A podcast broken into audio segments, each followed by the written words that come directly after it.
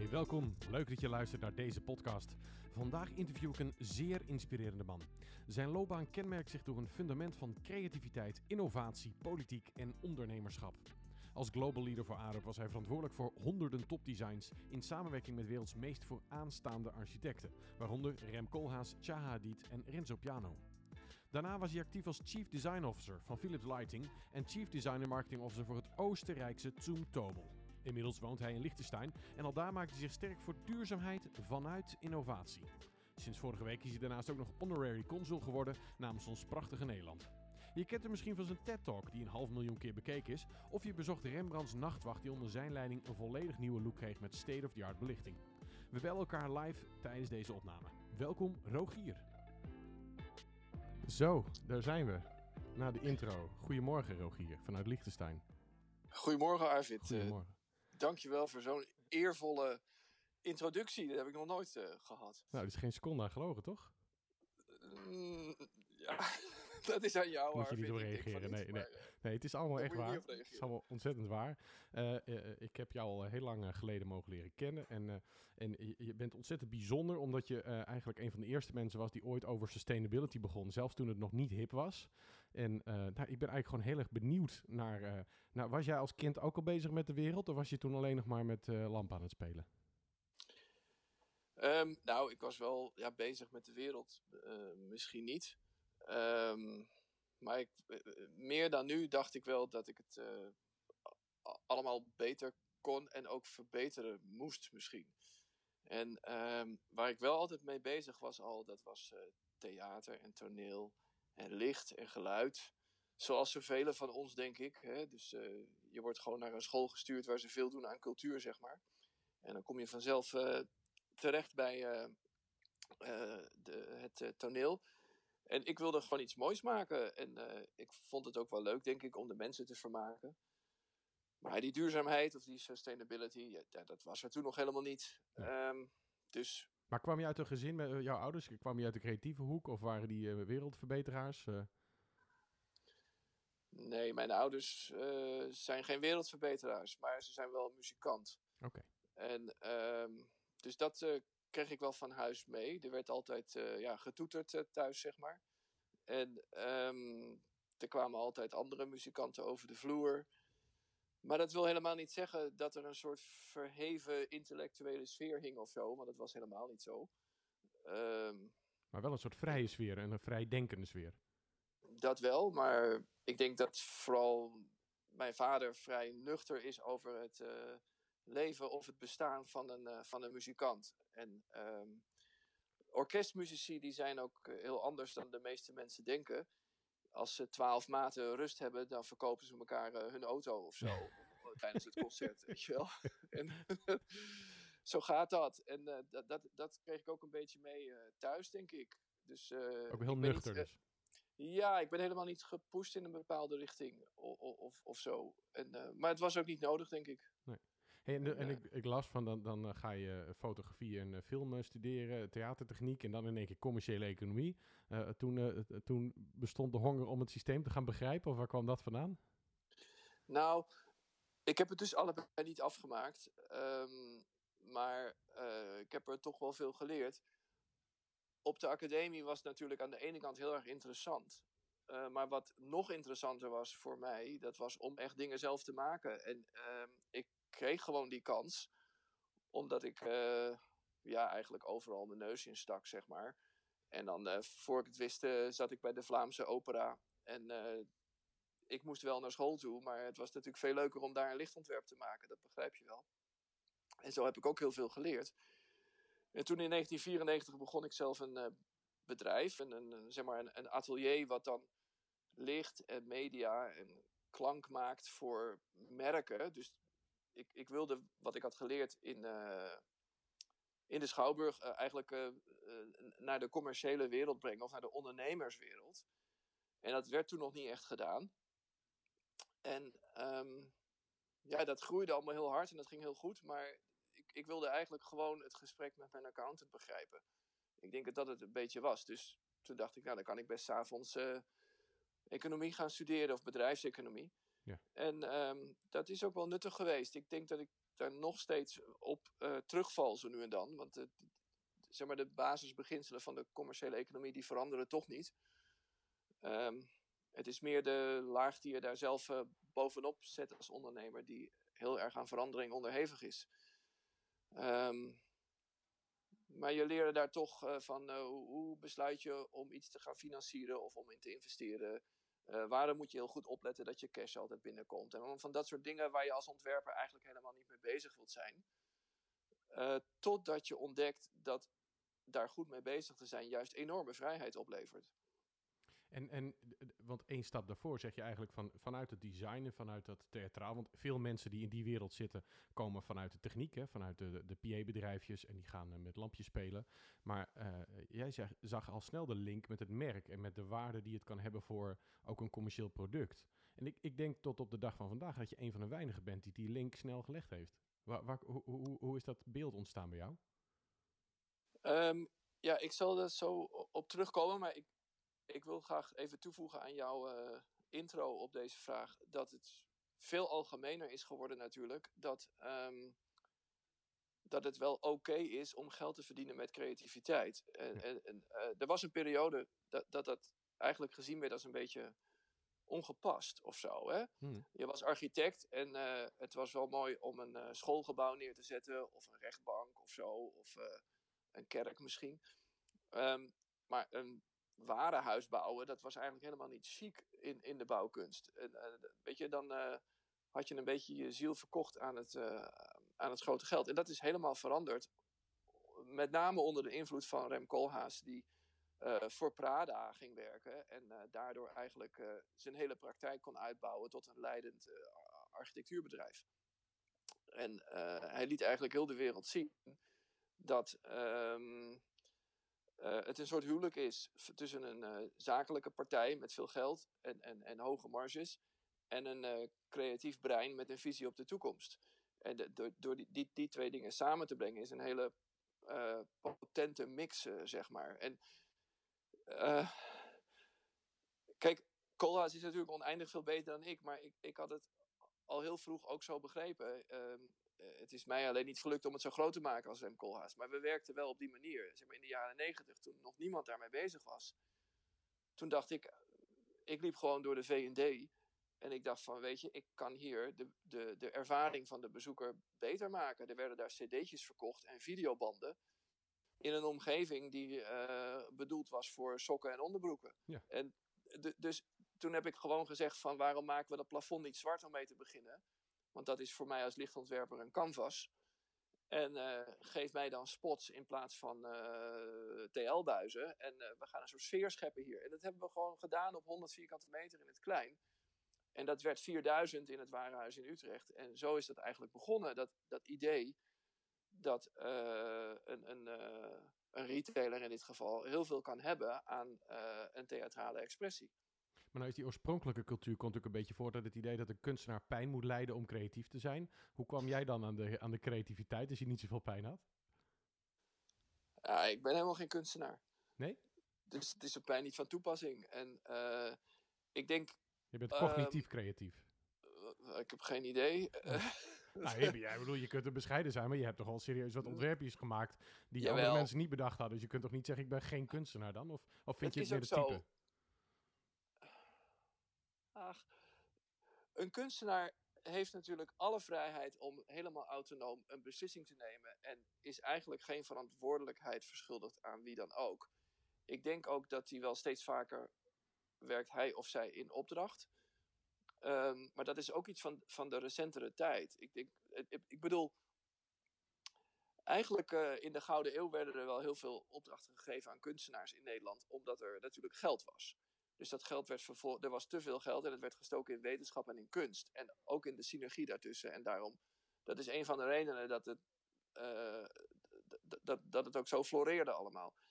Later werd het idee van wat het is om een kunstenaar te zijn toch iets anders. En ging het meer over de, het autonome denken en het uh, proberen de wereld om je heen te duiden op een manier waar verder niemand anders iets mee te maken had. Ik bedoel, een echte kunstenaar maakt het werk voor zichzelf en niet voor zijn publiek. Mm -hmm. En dat is voor een ontwerper toch iets anders. Ik bedoel, een ontwerper past wel creativiteit toe.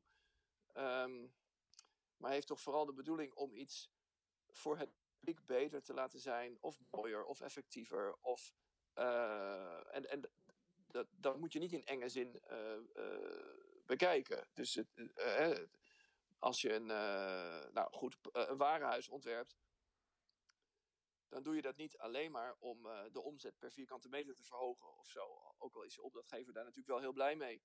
Um, maar je doet het om een sfeer te scheppen waarin uh, een, een klant van het warenhuis langer wil blijven, bijvoorbeeld. Nou, daarvoor is nodig. Uh, of, of iets om over te praten met degene met wie je gaat shoppen. Ik noem maar wat. Dat zijn thema's waar je dan creatief wel weer vorm aan kunt geven. En dat je dan, dan is het eigenlijk indirect dat je ook helpt met de bedrijfsvoering van het warenhuis. Um, dus het is een beetje hybride. Het is aan de ene kant die vrijheid en het is aan de andere kant toch dat er een opdrachtgever is die met goed opdrachtgeverschap jou die vrijheid geeft, maar je tegelijkertijd zo nu en dan herinnert aan het doel van de hele exercitie. En, en ik denk dat ik. Ja, sorry?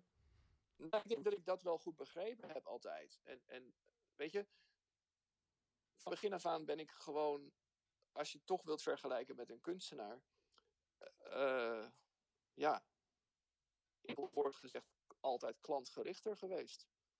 En wat... Het gaat om die opdrachtgever er zijn natuurlijk heel veel projecten waar jij, uh, uh, zoals bijvoorbeeld hè, de, de, de Nachtwacht uh, van Rembrandt, ook in opdracht gemaakt ooit trouwens, heb jij totaal opnieuw belicht.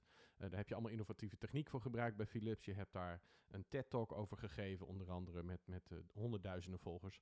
Is het ook een people game? Ben jij ook gewoon iemand die mensen op hoog niveau met grote verantwoordelijkheden het vertrouwen kan geven dat jij ze dit, dit product kan geven wat ze nodig hebben?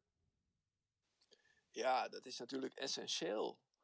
Kijk, als je dat niet kunt, dan in mijn ogen groei je dan niet verder. Ik bedoel, je hebt, uh, je hebt wel elkaar nodig. En um, als je wat ambitie hebt in design, dan, uh, ja, weet je, de eerste opdracht die je doet, dat doe je samen met een andere architect. En dan ontdek je eigenlijk van, hé, hey, hoe zou het zijn als ik direct voor die opdrachtgever zou werken? En niet voor die architect, maar met die architect. En dan is de dynamiek natuurlijk heel anders in zo'n team. En de volgende stap is dat je misschien zegt: uh, Ik wil eigenlijk wel eens met de directie van het bedrijf waarvoor ik werk hierover praten. En uh, nou ja, als je dan doorzet en inderdaad het vertrouwen wint, dan zit je op een gegeven moment met de CEO aan tafel om te praten over design.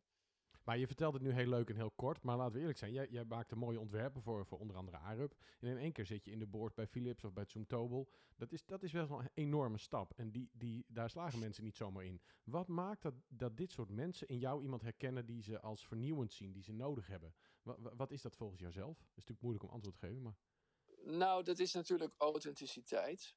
Maar dat is een beetje een cliché. Maar als je niet jezelf bent, dan uh, kom je er natuurlijk niet je kunt het wel lang volhouden, denk ik, met pretenties en uh, uh, gedrag waarvan je denkt dat het gewenst is, maar uiteindelijk wint authenticiteit natuurlijk toch.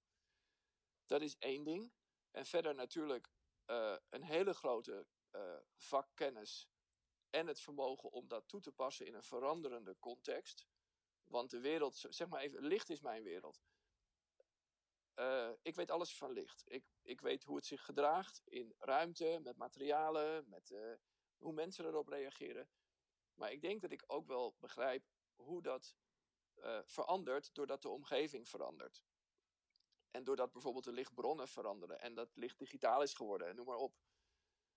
Dus dat, dat is denk ik ook essentieel. En, en dat is niet alleen maar beperkt tot mijn vakgebied, dat geldt ook voor jouw vakgebied. En dat, voor ieders. Je moet gewoon heel erg goed zijn in wat je doet. En uh, dat blijkt dan wel. En verder moet ook de tijd gewoon goed zijn. Het is timing. Uh, kijk, ik kwam Rudy Provost uh, tegen. hij was CEO van Philips Lighting, toch? Hij ja, was de ja. CEO van Philips Lighting. En hij zat gewoon met een enorme uitdaging. Hij had een bedrijf wat vrij langzaam was, zeer winstgevend wat makkelijk geld verdiende met een product wat ze goed beheerste en waar weinig innovatiepotentieel meer in zat. Maar waarvan ook iedereen dacht dat het niet nodig is. Uh, en ik heb het dan gewoon over gloeilamp en TL-buizen. Ja? Dus uh, om je wat context te geven, het, het kost ongeveer 11 cent om een TL-buis te fabriceren, inclusief zijn verpakking. En je kunt hem verkopen voor 7 euro. Dus het, dat is een soort verslavende winstmarge, dat begrijp je wel. Ja. En, um, maar Rudy had wel een visie. Hij, begreep ook dat dat eindig is. Dat er dus die golf van digitalisering komt en dat de hele wereld, zijn wereld van licht, gaat veranderen. Dat die TL-buis wordt vervangen voor een, uh, een chip, uh, een halfgeleidertje wat licht geeft en dat dat hele nieuwe mogelijkheden gaat bieden. Maar wat dat precies was, dat wist hij niet. En hoe hij zichzelf intern daarvoor moest organiseren, dat wist hij misschien ook niet helemaal. Dus gaat hij zoeken naar mensen met wie hij daarover kan eh, debatteren. De, mensen die. hij is een goede CEO, dus hij wil ook geprikkeld worden. Hij wil niet alleen maar zeggen hoe het volgens hem is, maar hij wil ook horen van anderen hoe, hoe het zou mhm. kunnen zijn. Ja. En uh, daar wilde hij iets mee doen. Dus hij zei ook altijd tegen mij van nou, eh, we have to crack the code in Eindhoven. Eh, we moeten, ik weet niet wat het, ik weet dat er een heel groot probleem is, maar ik weet nog niet wat de oplossing is. En onze opdracht is die oplossing te vinden. En die oplossing zit hem dus in uh, aan de ene kant de, de buitenwereld heel goed te begrijpen. Aan de andere kant de binnenwereld van Philips Lighting heel goed te begrijpen. Wat daar de mogelijkheden zijn en de tekortkomingen. En daaruit een idee te smeden, maar ook het verbogen om dat uit te kunnen voeren. En ik denk dat dat heel vaak ontbreekt. Ik denk dat er zat er genoeg mensen zijn die weten hoe het moet, maar ik denk dat het veel moeilijker is om het uit te voeren. Een, een transformatie, een nieuw idee, uh, creativiteit binnenbrengen in een bedrijf, uh, design als waardecreatie gaan inzetten, uh, al die dingen meer. Dat waren allemaal dingen die Philips Lighting goed kon gebruiken. En volgens mij wisten ze dat ook wel. Maar ik denk niet dat er in het bedrijf genoeg uh, idee was en kennis over hoe je dat dan echt tot leven brengt en hoe je ook jezelf organiseert. Maar nou, nou heb je een hoop mensen die in, in een kroeg uh, op een bierveeltje een leuk idee hebben. Maar als mensen je vragen om jouw ideeën, en dat gaat denk ik over, ik geloof 8 miljard of zo gaat het tegen, ging het in Philips Lighting. dan moet je toch wel verdraaid zeker in je schoenen staan om te zeggen, ja ga dit maar eens even doen. Er zijn een hoop mensen van afhankelijk. Je zei al van daar moet je bepaalde authenticiteit voor hebben. vanaf welk punt in je carrière had je het gevoel van ja, nee maar ik weet nou serieus wel een beetje wat ik doe? Nou weet je, uh, bij Arup en voor jouw luisteraars, Aarde is gewoon echt een, een, een, hele grote consulting business op het gebied van creativiteit. Hè? Dus daar werken 15.000 mensen die allemaal creatieve individuen zijn. En dat is dus heel anders dan een corporatie waarin uh, de meeste mensen toch hun leiding volgen. Mm -hmm. uh, dus dat is een hele andere omgeving. Dus, uh, en ik realiseer me dat niet echt een antwoord is op jouw vraag, maar uh, ik vergeet het anders als ik het nu niet zeg. Ja. ik denk dat voor mijzelf die overstap naar Philips uh, zo ver uit mijn comfortzone was, dat ik uh, ook daardoor enorm werd geprikkeld om gewoon de hele dag, zeker in het eerste jaar daar, heel erg scherp te zijn en heel erg alert op wat er allemaal gebeurt en proberen daar heel goed op te reageren. Dus ik was een soort hyperactief daarin. En dat heeft me denk ik ook daar gered, als het ware ik moest gewoon gaan begrijpen hoe dingen daar gaan, want het was totaal niet mijn wereld. En het andere is dat um, waarom ik stevig in mijn schoenen stond, want dat was wat je vroeg, is eigenlijk omdat dus de CEO, mijn baas, uh, mij door dik en dun steunde. En dat was volgens mij essentieel. Want op het moment dat je een grote corporatie binnenkomt, en dat gaat helemaal niet om Philips, want het is gewoon overal zo, dan zijn er allerlei machtsspelletjes. Er is politiek, uh, iedereen weet dat hij gepromoveerd wordt als hij omzet scoort of targets haalt of KPI's eh, vervult of hoe dat ook heten mag.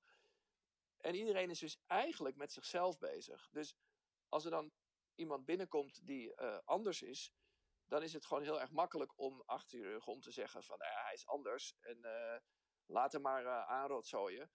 weet je, mij raakt het niet. Maar was je, ook was je ook recalcitrant in het begin? Want ik, even voor de luisteraars. Nee, er nou, waren, de Philips board reed in een Audi. Jij reed in een Prius of op de fiets. En dat interesseerde je eigenlijk ook geen ene hol. Dat was ook wel leuk op een of andere manier. Was, was je ook een beetje een new kid on the block? Was dat ook de houding die je aannam? Ja, je hebt je wel goed ingelezen, moet ik zeggen. Ik heb een goed geheugen. Bij die Audi's en die Prius was ik bij toevallig. Dat was in het beste gasfabriekterrein, ja. ja dat was heel grappig, want um, uh, je komt in de board en uh, dan moet je dus een auto uitkiezen. En uh, grappig dat je je dat herinnert, want ik woonde toen in Amsterdam en ik dacht, nou ja, op zijn hoogst een klein autootje, maar liever nog helemaal niet. En dat kon dus niet. Er waren dus bedrijfsregels die bepaalden wat het dan minimaal voor auto moest zijn. En dat was eigenlijk wat ik raar vond. Op zich, ik vind het niet erg om in een grote auto te rijden. Nu woon ik in een land waar wij een grote auto nodig hebben, omdat het anders.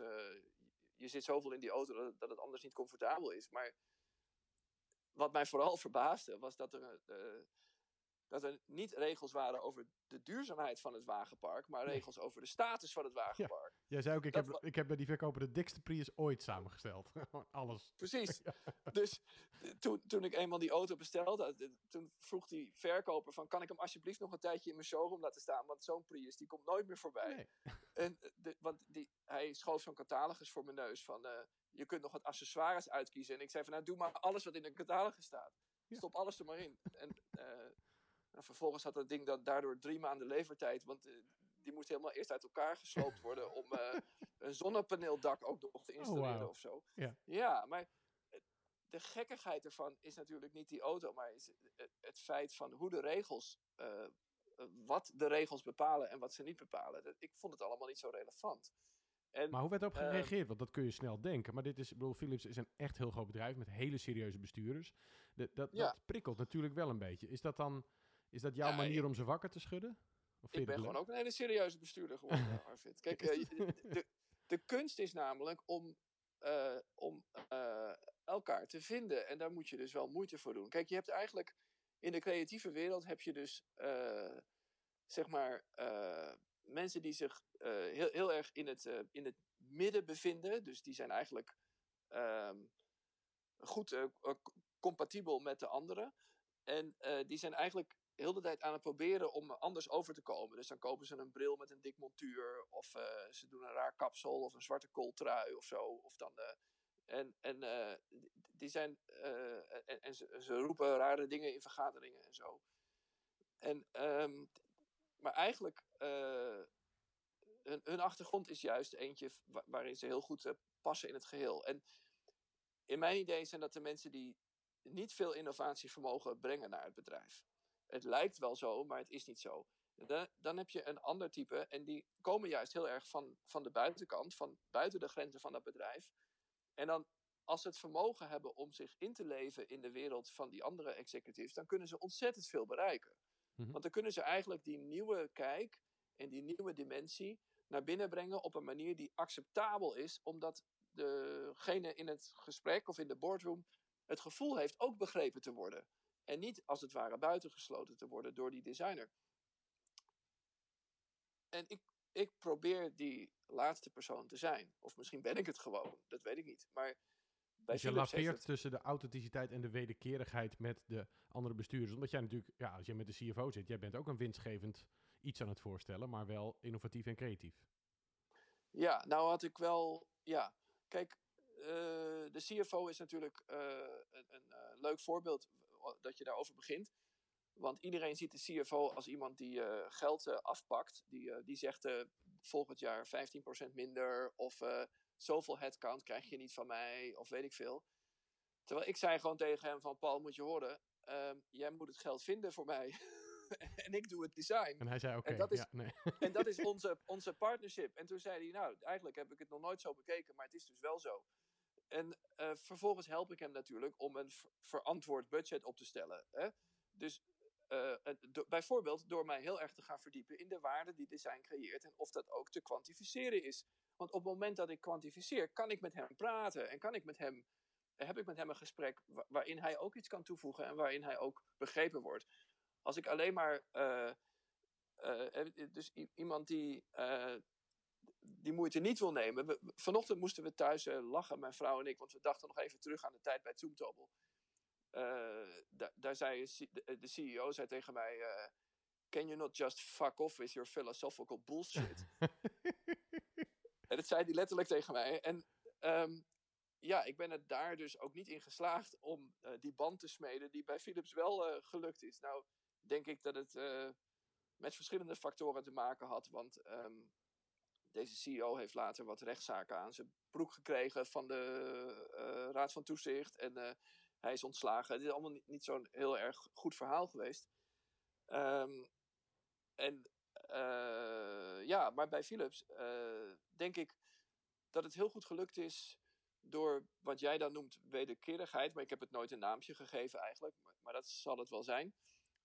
en het begrip daarvan, maar echt ook, en dat heb ik net ook al gezegd, die steun van de baas. Weet je, die CEO, uh, Rudy is gewoon een man met een visie en met een soort van heel erg emotioneel gemeend enthousiasme over verandering. En um, hij had iemand nodig die, dat, die daar gestalte aan kon geven. En, uh, en, maar ik had hem ook ontzettend nodig in het bedrijf om te kunnen doen wat ik daar moest doen. Maar we hebben wel het bedrijf veranderd. Ik bedoel, het, het, het bedrijf Philips Lighting was natuurlijk nooit uh, klantgericht, want er zaten zoveel stappen tussen Philips en die klant. Een installateur, een groothandel, uh, weet ik veel. En er gingen gewoon lampen dat bedrijf uit uh, naar die klanten toe. En of dat die klant nou een ziekenhuis was, of een school, of een kantoorgebouw, dat wist Philips helemaal niet. En van die karakteristiek zat ook niks in dat product. het was gewoon heel generiek. Terwijl als je nu gaat kijken wat Philips Lighting maakt, dan is het een en al uh, wat ze noemen customized solutions. Hè? Alles is op maat gemaakt. Ja. ja ik heb een hele huis vol Philips Hue hangen nu. Dat is uh, ja. zeer uh, wendbaar en ja. Precies, dus ja. nou, dat heb je goed gedaan. En ik, Philips Hue is ook een enorme battle geweest, denk ik, binnen Philips Lighting. om dat te maken tot wat het nu is. En um, dat zeg ik ook wel met genoegen, dat, dat uiteindelijk gelukt is om het zo te maken. En wat ik bedoel met zo, dat is eigenlijk dat de software uh, is opengesteld. Het is niet echt open source, maar er is wel een, een API, dus een, zeg maar een interface met de Philips Cloud, waar iedereen van gebruik kan maken die een app wil ontwikkelen. En er is ook een SDK, dus dat is een, zeg maar een pakketje aan uh, verschillende moduletjes die je kunt samenstellen tot een app, als je een app developer bent. Ja. En zo zijn er ongeveer 200 apps gemaakt voor Philips Hue. En dat heeft, maakt eigenlijk dat elke toepassing van Philips Hue weer een andere is. Dus het is een hardware-platform waarop oneindig veel verschillende oplossingen zijn bedacht door andere mensen dan Philips. En daardoor kan Philips een markt bedienen die heel gefragmenteerd is. En die ze zelf nooit hadden kunnen bereiken met hun grote moloch-denken. En uh, dat is natuurlijk heel erg on-Philips. Want Philips is een bedrijf wat een paar honderd miljoen verdient per jaar met intellectueel eigendom. En opeens uh, zegt er een uh, designer dat ze alles moeten weggeven. Hè? Um, maar, maar, maar dat is natuurlijk toch het, het, de nieuwe economie. Dus ze zetten dat wel door, want dat Zigbee-protocol waar het op draait is nu ook uh, opengesteld voor andere fabrikanten. Door het, zelfs, ja. het hele systeem zelfs samen. Dus echt, uh, de, de, het werkt nog altijd door. Die, hey, en nou ben jij de man die ooit de quotegrafie wil, beter wil begrijpen hoe en waarom hij als leider verantwoordelijkheid kan nemen. Kan toch het best beginnen met Sartre. Dus je hebt toch iets met die grote filosofen. Lukt je dat overal of was Tom Tobel de eerste waar ze daarop op, op flesten? Heb ik dat gezegd? Dat heb jij gezegd, ik kan het je wel ja, laten klinkt, zien. Dat klinkt best wel slim. Dat vond ik ook, ja. Heb ik, ook, ja ik heb al andere dingen eruit gehaald, maar dit vond ik wel heel slim, ja. Wat je favoriete Sartre quote? Want dat, die man die zei ook dingen, hell is other people and better to die on one's feet than to live on one's knees. Dus dat was wel een beetje een ja. ongelukkige man, klonk het ook. Beetje somber. Ja, dat, dat is, daar kom je weer terug bij die kunstenaar die, uh, die pijn, pijn moet lijden. Ja. dus, uh, maar dat zijn toch jouw grote voorbeelden dan? Zonder dat ik nou het idee heb dat jij de hele dag aan pijn lijden bent.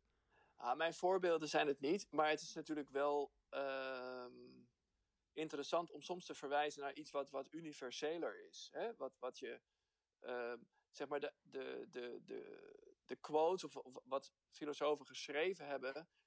Kijk, filosofen die houden zich bezig met dingen waar niet zomaar een antwoord op is. Dat is eigenlijk filosofie. Het, het antwoord ligt niet voor het oprapen en het antwoord bevindt zich niet om je heen. Het antwoord zit in jezelf. Anders is het geen filosofie volgens mij.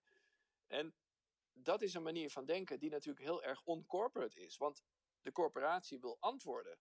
De corporatie wil geen vragen stellen. En dat is wat ik juist probeer binnen te brengen. Dat we ons als groot bedrijf ook wel eens vragen moeten stellen. Zijn we wel goed bezig? Moeten we niet iets anders doen? Uh, hoe, waarom werkt onze diversiteit niet? Uh, is het wel echt zo dat klanten dit willen hebben? Of uh, drukken we het alleen maar door.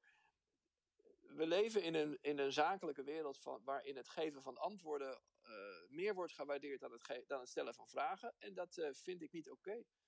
Ja, dit is dan nog filosofie. Maar hoe kijk je dan naar ethiek? Want ik bedoel, op het niveau waar jij mee bezig bent, innovatie en ook sustainability, dan kom je op het punt ethiek. En dat is misschien nog wel veel moeilijker. Volgens Wittgenstein is het niet onder woorden te brengen.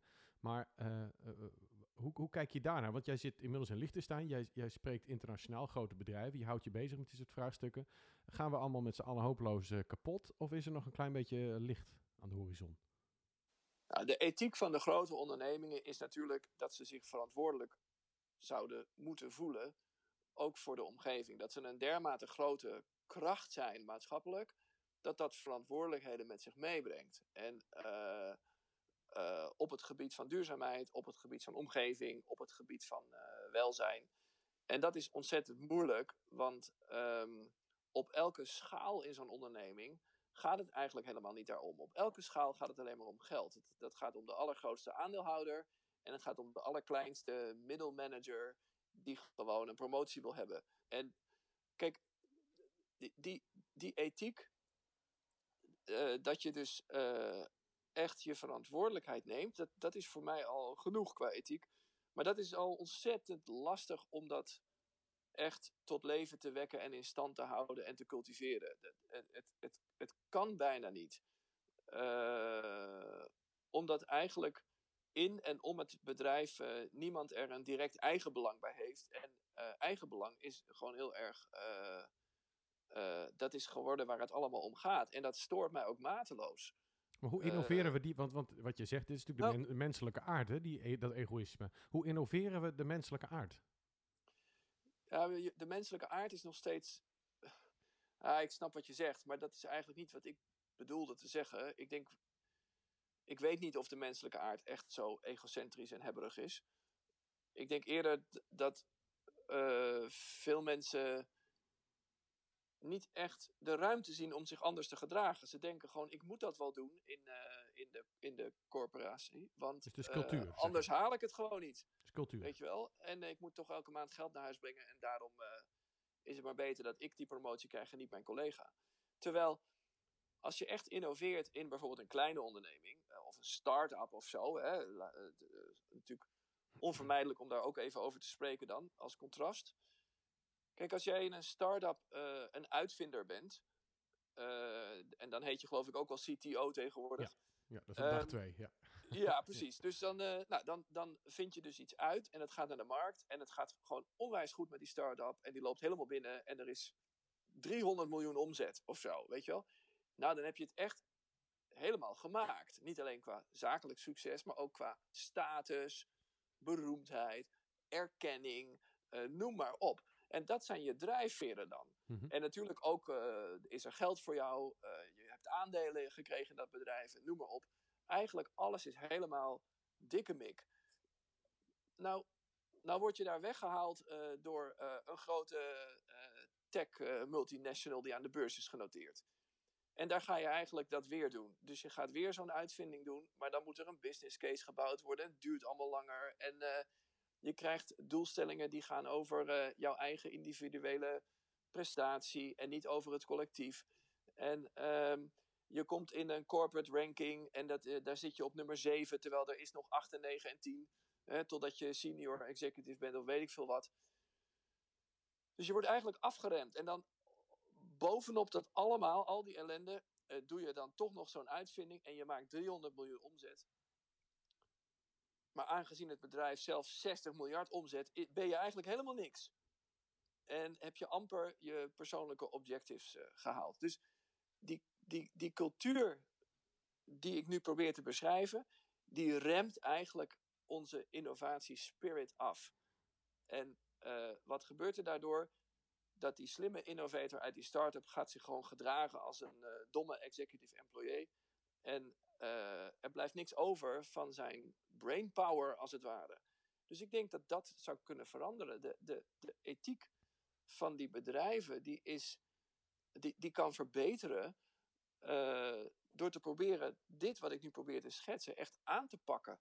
En een bedrijf als Arab heeft dat heel goed gedaan. Die zijn met z'n vijftienduizenden, maar niemand krijgt daar een bonus als hij individueel presteert. Dat, want dat is helemaal niet belangrijk. Uh, de, Arab is zo'n bedrijf waar je naartoe belt als je echt ehm, niet meer weet hoe het opgelost moet worden. En dan zegt Arab, wij gaan het oplossen. Mhm. Weet je, niks is te ingewikkeld voor Arab. Eh, sterker nog, hoe moeilijker het is, hoe leuker ze het vinden. En dat heeft te maken, dat, dat, dat zit heel erg diep. Dat heeft niet alleen maar te maken met eh, dat ze dat ook in hun reclamecampagne zeggen of zo. Maar dat heeft te maken met die authenticiteit zoals we eh gesprek begonnen. Want wat is daar namelijk het geval? Iedereen is eigenaar van de firma. Van de receptionist tot aan de, de chairman. Ze zijn allemaal eigenaar. En eh, dat maakt dat je je heel anders tot elkaar verhoudt. Dat maakt dat iedereen respect heeft voor elkaar. Dat maakt dat het niet uitmaakt. Je hoeft, je hoeft geen aandeelhouder te pleasen, zo gezegd. Dat ben je Want, zelf. want, die, ja. want die is er niet, want dan ben je zelf. Je bent dus supergoed beschermd tegen vijandige Chinese overnames of zo. Eh, terwijl dat, dat zijn allemaal problemen die dagelijks op het bord liggen van de raad van bestuur van, van een grote beursgenoteerde onderneming. Waar je eigenlijk helemaal niet mee bezig wil zijn als je moet innoveren.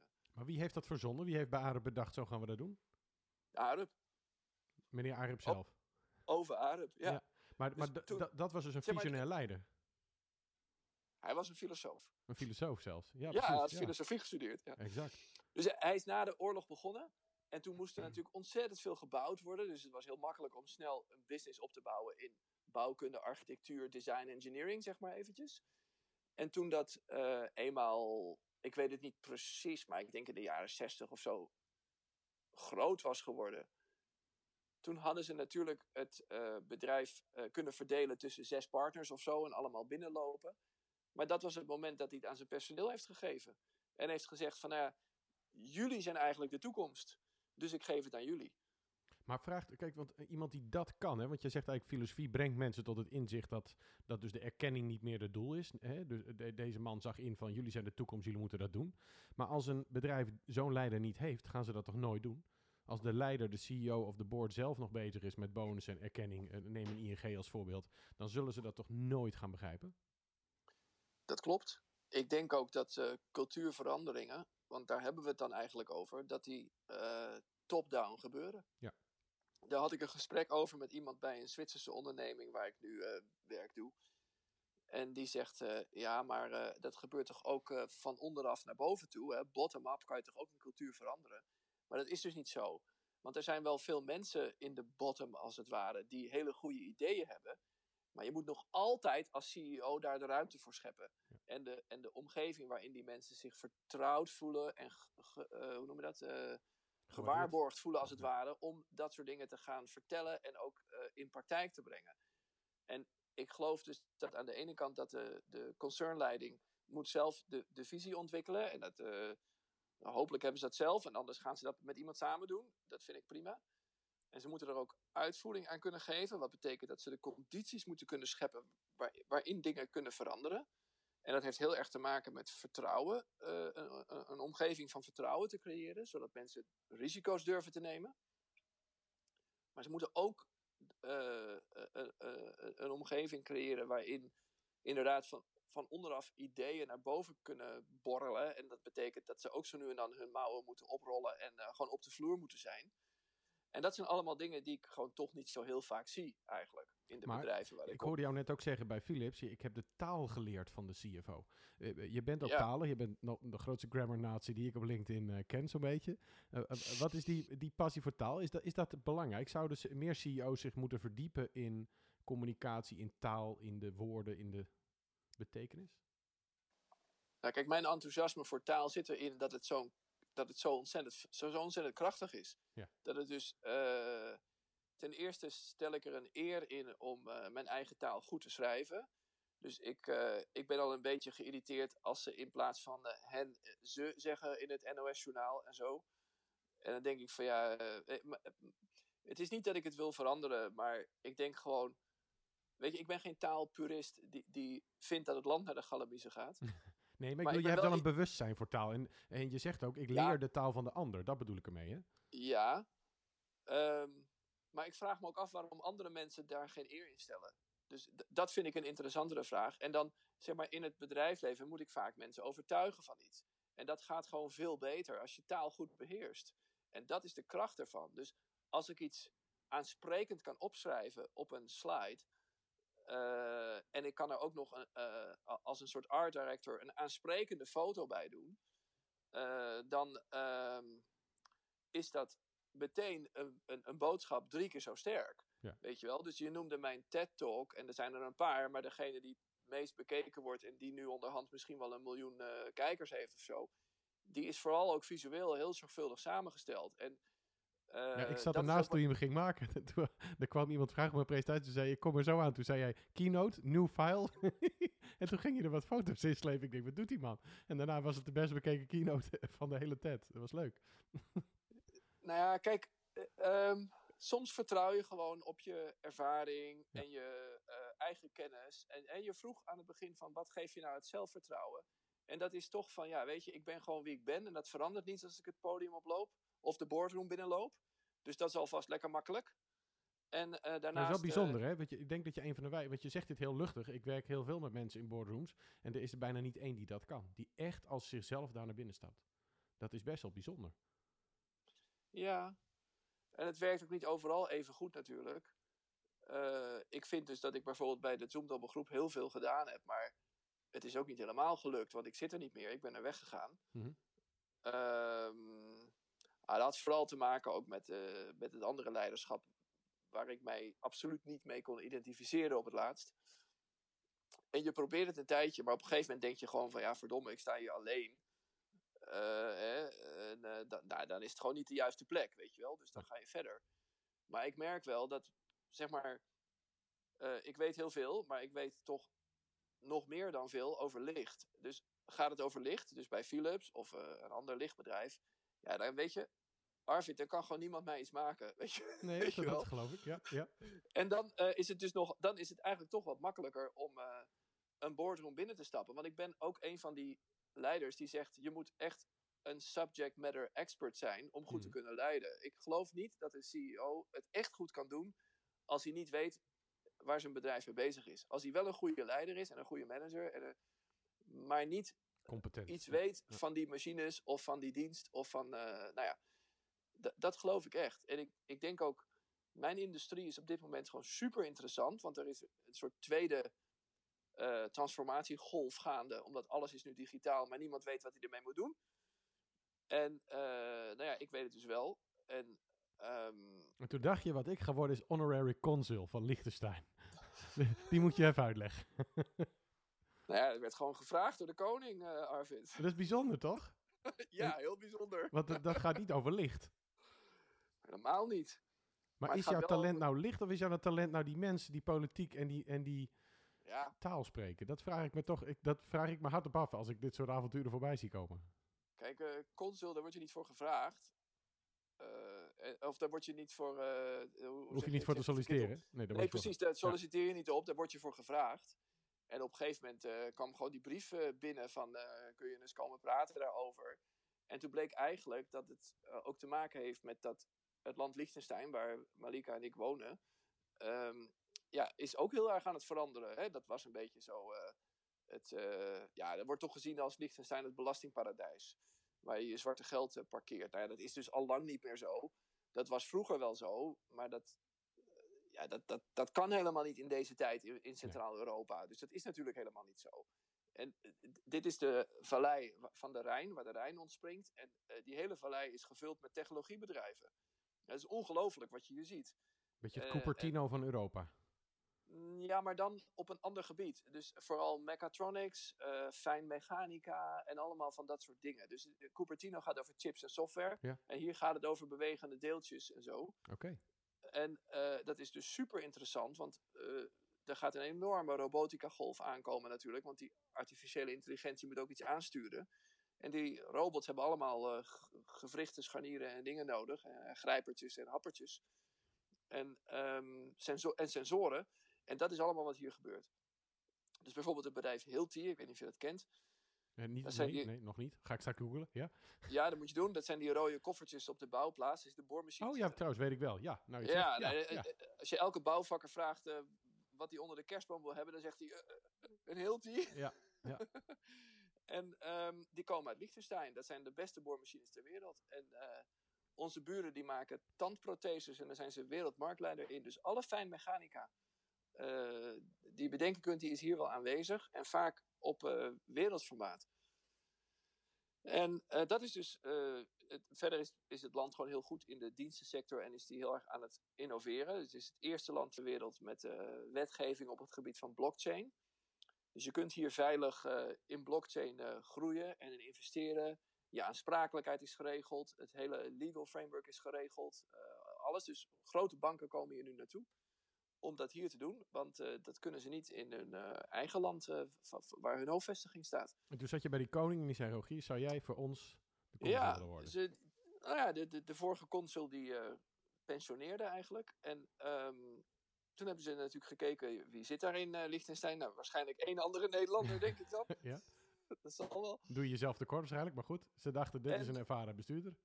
Ja, precies. Dus eh, toen zeiden ze, nou, je weet veel van innovatie en eh, je hebt lang op die high-tech campus in Eindhoven gezeten, daar bij Philips en zo. En eh, we hebben heel specifiek ook in ons hoofd dat dat een soort eh, innovatiebruggenbouwer gaat worden tussen Nederland en Liechtenstein.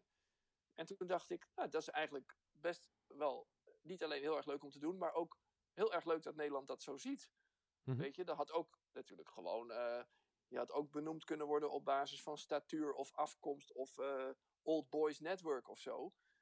Maar Maar dat was de dus achtergrond met helemaal eh, niet- muzikanten was niet goed genoeg waarschijnlijk. Precies. Nee. Dus, maar, maar deze benoeming is dus echt vanwege wie ik ben en wat ik zou kunnen, hoe, hoe ik daar ja, inhoud aan zou kunnen geven. Nou, ben net begonnen dus, ehm, dus we moeten allemaal nog maar zien. Maar ga je nou iedereen ook een filosoof aanraden? Nou, als consul. Nee, ja, dus die, al die innovatieve mensen die komen bij jou en die, die moeten geholpen worden om daar voet aan de grond te krijgen, samen te werken. Ga je, geef je ze dan ook actief zo'n boodschap mee van jongens, eh, we moeten het filosofische gaan bekijken? Nou, ze zouden wel bijvoorbeeld Baudrillard kunnen lezen of zo. Hè? Want in, in deze tijd is het natuurlijk waanzinnig interessant dat hij in de jaren zeventig of zo al schreef over een soort hyperrealistische wereld. Dus eigenlijk de, de VR-bril van vandaag. Mhm. Dat had hij al lang gezien, dat, dat er een hyperrealistische wereld aankomt. Dat- en wat hij daarmee bedoelde is eigenlijk dat dingen dus echter zijn dan echt. Dus er, er, er is eh, een soort nieuwe laag over dingen heen. Maar die is niet fake. Dat is de nieuwe werkelijkheid geworden. En, en dat is toch wat we nu zien. Als wij nu eh, een auto ontwerpen. Ik heb bij Volvo gezeten. En eh, maken we concept car, autonomous drive, bla bla bla. Die auto die is er helemaal niet fysiek. We zitten allemaal met zo'n bril op, met van die gyroscoopjes erop. En eh, met z'n allen ontwerpen we die auto. En wij zien alles wat iedereen doet. Dus het is er gewoon. Maar als we die bril afzetten om een kop koffie te gaan drinken, dan eh, zitten we met z'n allen rond de vergadertafel. Ja. En dat is echt ongelooflijk hoe nauwkeurig dat is voorzien. En, en, en dat het zoveel impact heeft op de manier waarop we met elkaar werken en ons tot elkaar verhouden. En hoe we elkaar serieus nemen en wat we samen delen en zien. En dat is allemaal eh, beschreven in het boek The Society of the Spectacle. Eh, van, eh, eh, ja, en dat, ja, dat, dat, is eigenlijk een beetje een stroming in de Franse filosofen, in de Franse filosofie. eh pakweg 40, 50 jaar geleden, denk ik. Hè? Mhm. En eh, ja, dat, ik vind dat ook weer niet zo belangrijk dat ik dat in mijn tas stop als ik eh, naar een boord eh, Nee. meeting ga. Maar ik vind het wel leuk om daar soms naar te verwijzen. Heb je voorkeur voor de Franse filosoof? Want eh, er komen er nu twee voorbij al. Is dat eh, Nou. de romanticus of is dat de taal? Nou, ik spreek wel Frans, maar weet je, het is gewoon relevant op dit moment in het werk wat ik doe. Ja. Dat is het eigenlijk. En ik vind ook, ik vind wel dat, dat ehm, je hebt gewoon een grotere kans van slagen in innovatie als je het breder kunt zien. Dat is eigenlijk het hele Maar draag je daaraan Dus- bij? Want we hebben het over cultuurverandering binnen die organisaties. Jij hebt nou, eh, zeker als consul straks een serieuze kans om eigenlijk op een hele vriendelijke manier invloed te, te, te oefenen. Ga je dan Ja. ook actief bemoeien daarmee? Ga je nou ook zeggen van jongens, maar we moeten dit echt... eh, Want als het gaat over sustainability, we verknallen redelijk de wereld met z'n allen. Eh, heb je dan ook een soort drive van ik ga er nou echt even iets mee doen? Of, of is het toch altijd Ja. de vriendelijkheid? Kijk, op dit moment werk ik, bij, eh, werk ik voor Sonova. Ja. Sonova is niet bekend in eh, Nederland, maar dat is de wereldmarktleider op het gebied van gehoorapparaatjes. Mhm. En eh, e- echt, het is super interessant. Maar dat, weet je, alles waar je in verdiept wordt interessant. voor zo iemand als ik. Dus ehm, Sonova, ik zal proberen het kort te houden als een antwoord op jouw vraag. Van wil je nou ook echt invloed hebben erop? Ja, dat wil ik dus. En ik zal proberen het uit te leggen aan de hand van Sonova. Zij maken gehoorapparaatjes en ze zijn heel erg bezig met de technische specificaties daarvan. Dus betere geluidskwaliteit, kleiner apparaatje, langere batterijduur, uh, mm betere noise uh, reduction, ja. noem maar op. gewoon alles. Dat is geen echte innovatie. Het is gewoon incrementele innovatie. we maken de volgende versie een beetje beter dan de vorige en dan doen wij het goed. Maar dan doen ze het dus helemaal niet goed, want iemand die het anders kan bekijken, die zegt: dat is een stukje technologie en dat zit verdorie in je oor. Dus het zit bijna in je, in je lijf. En verdraaid als het niet waar is, het zit heel dicht bij je hersenen. Hmm. Uh, als ik daar één andere sensor in stop, dan kan ik hersenactiviteit meten met het apparaatje. En overigens ook bloeddruk, hartslag en wat dan niet meer. Dus mijn hele gezondheidsmonitor zit eigenlijk in mijn oor. Mm Als ik het maar zo verbeeld. En dan ga je naar hoofd uh, RD toe daar, die leiding geeft aan een paar honderd uh, wetenschappers en technologen. En dan zeg je: kan dat? Dan zegt hij, nou, ik heb er nooit over nagedacht, maar eigenlijk nu het zegt, ja, kan wel. Ja. Maar hoe gaan we dat nu maken? Hoe gaan we nu dat bedrijf... het is niet genoeg dat de, de, de CTO zegt dat het kan. Het is niet genoeg. Want om iets heel stoms te zeggen, de verkooporganisatie is er niet op ingesteld. Die doen alleen maar zaken met uh, groothandels in hoorapparaten. Verder met niks. Um, de klantenservice is er niet op ingesteld. De marketing is er niet op ingesteld de manier waarop processen lopen intern is niet ingesteld. Um, er, moeten, er zijn andere regels van toepassing, want het wordt nog meer dan voorheen een medisch apparaat misschien. Um, er moet een soort cloud komen waarin al die data die dat apparaatje verzamelt, niet alleen opgeslagen worden, maar ook geïnterpreteerd. Plotseling moet het bedrijf met privacy rekening gaan houden. Zo'n simpel idee van een bloeddrukmeter in een hoorapparaat heeft dus een enorme impact op het totale organisatie van zo'n bedrijf. En dan is de verleiding dus heel erg groot om te zeggen: Nou, leuk idee, Rogier, maar uh, we gaan dat dus niet doen, want uh, dat werkt gewoon niet. En kijk eens even wat voor winstmarges wij maken op onze gehoorapparaten. Het is helemaal nergens voor nodig wat jij wil. Nou, op zo'n moment moet je dus wel, vind ik, als Chief Design Officer in staat zijn om het op een andere manier te brengen. En uh, om, om, om niet alleen maar steun te krijgen, maar echt participatie van die andere leiders. hoe doe je dat dan? Want dat is natuurlijk makkelijk gezegd, maar. Ja, je moet gewoon hun, hun taal spreken en hun. Uh, en het is niet voldoende om alleen maar dit idee te, te porteren, als het ware, naar hun belevingswereld. Want dan is de kans te groot dat het alleen maar over geld moet gaan. Mm -hmm. En dat is gewoon niet genoeg, want dit is veel meer. Uh, als zo'n idee als dit tot leven komt, dan verandert het het leven van heel veel mensen. Uh, het verandert het leven van de huisarts. Want die kan opeens op afstand uh, allerlei dingen gaan monitoren bij zijn patiënten. Dus die krijgt ook een andere taak. Maar je concurreert dan ook meteen met Apple, met de Apple Watch, die dat natuurlijk ook allemaal proberen. Hoe, nou. Er is helemaal geen concurrentie. Want uh, ik denk, als het in je oor zit, is echt geen concurrentie van de, van de Watch. Forget the Watch, als dit doorgaat. Okay. Serieus, Arvid. Ik denk echt, dit is voor mij is dit, hoe noem je dat in het Engels, the next big thing, weet je wel.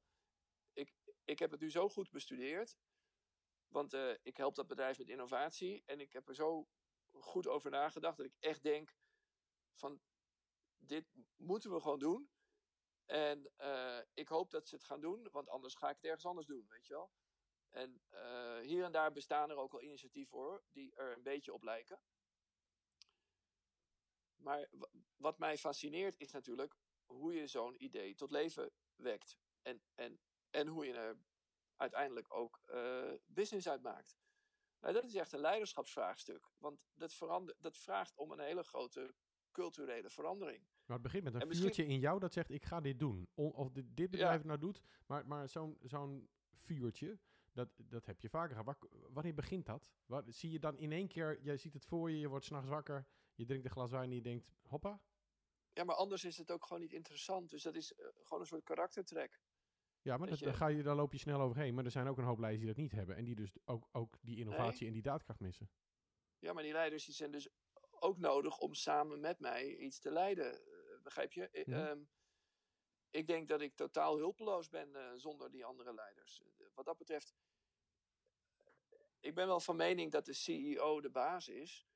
Maar ik ben ook van mening dat uh, het kleine team om haar of hem heen. Uh, dat, dat daarin de grenzen van de verantwoordelijkheden niet zo scherp uh, afgebakend zijn. Mm -hmm. Dus je moet met z'n allen eigenlijk het hele concern leiden.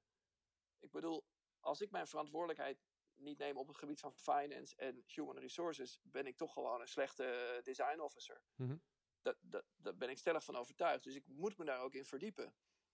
En als dat heel erg verkokerd is, wat, wat je toch wel veel ziet in grote ondernemingen, uh, dan moet dat eerst opgelost worden. En ik weet niet of ik dat kan.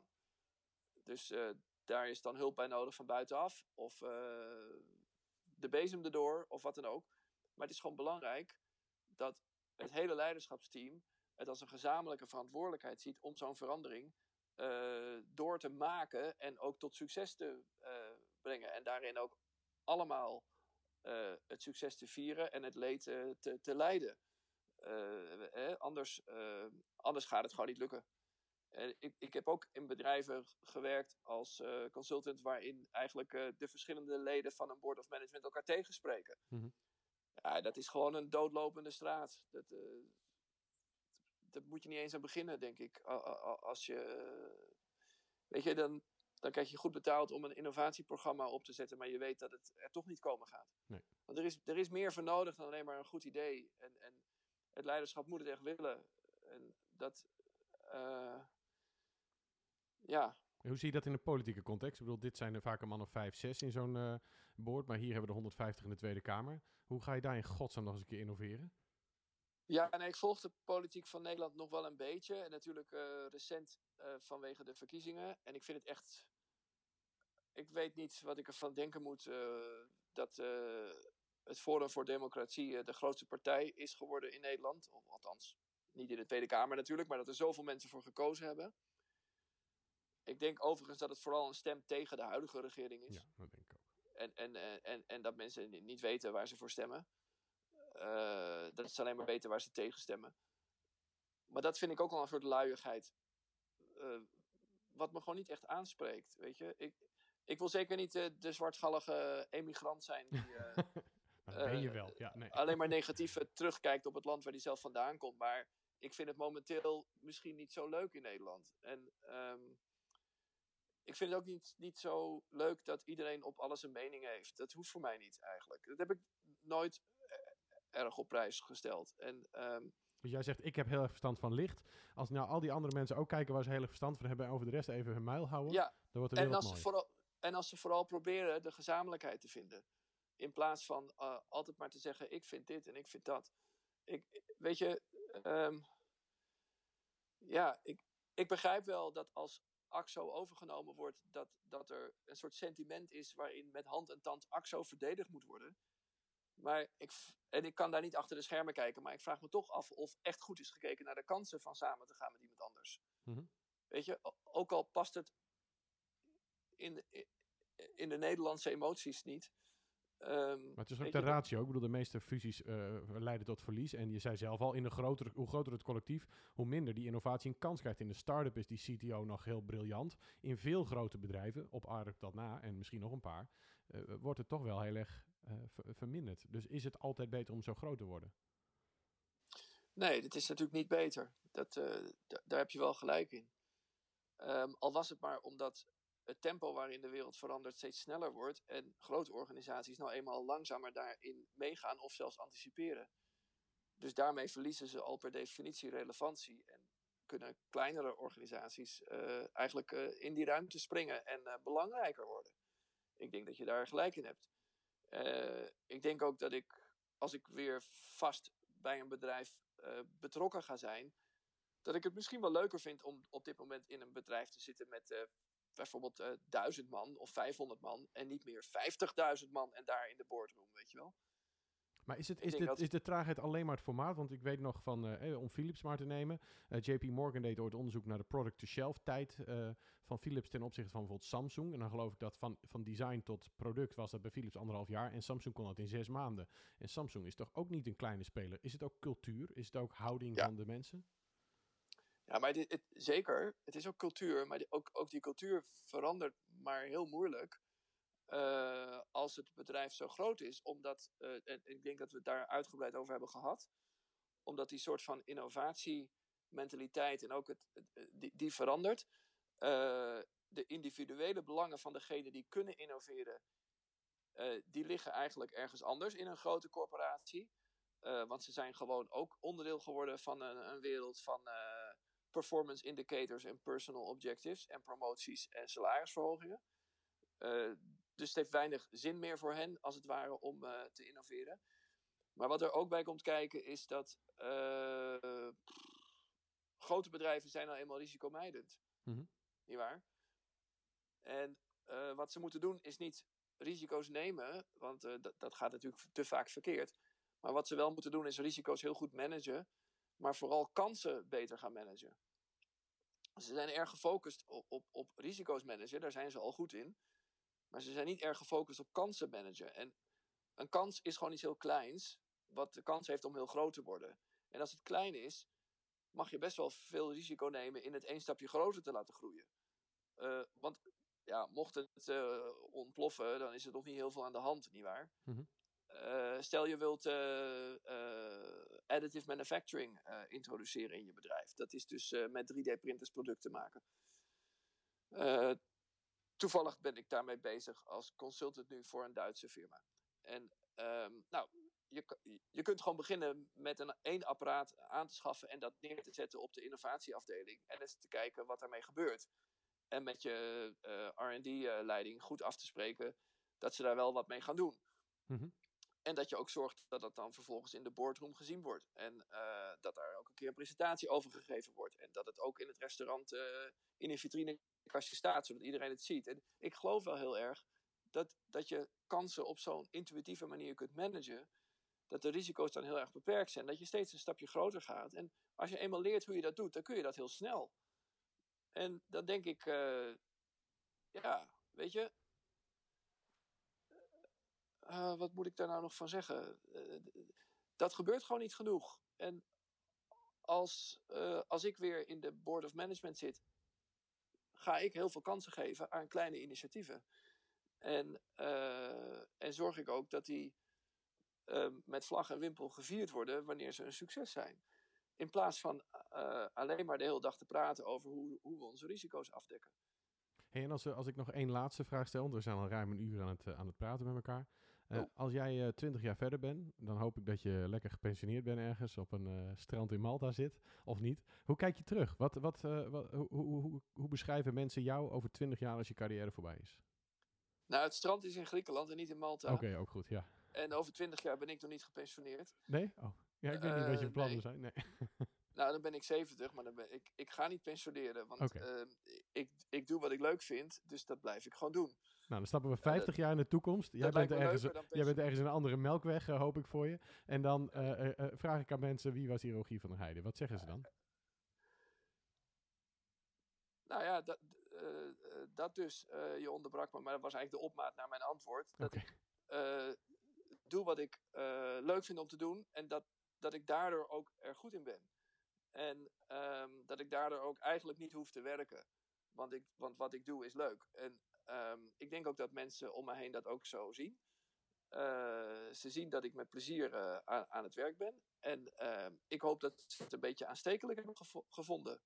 En eh, ja, ik, dat is ook wel zo, denk ik. Dus ik, ik denk ook wel dat ze zo terugkijken op de samenwerking met mij. Nou, hartstikke goed. Hey, ontzettend ja. uh, bedankt voor je deelname. Ik uh, uh, bereid er een eind aan vandaag voor deze prachtige podcastopname. En nou ja, luister goed alles terug. neem de lessen mee en ga sarteren lezen, dames en heren. dankjewel Rogier van der Heijden en bedankt voor het luisteren. Graag gedaan, met veel plezier.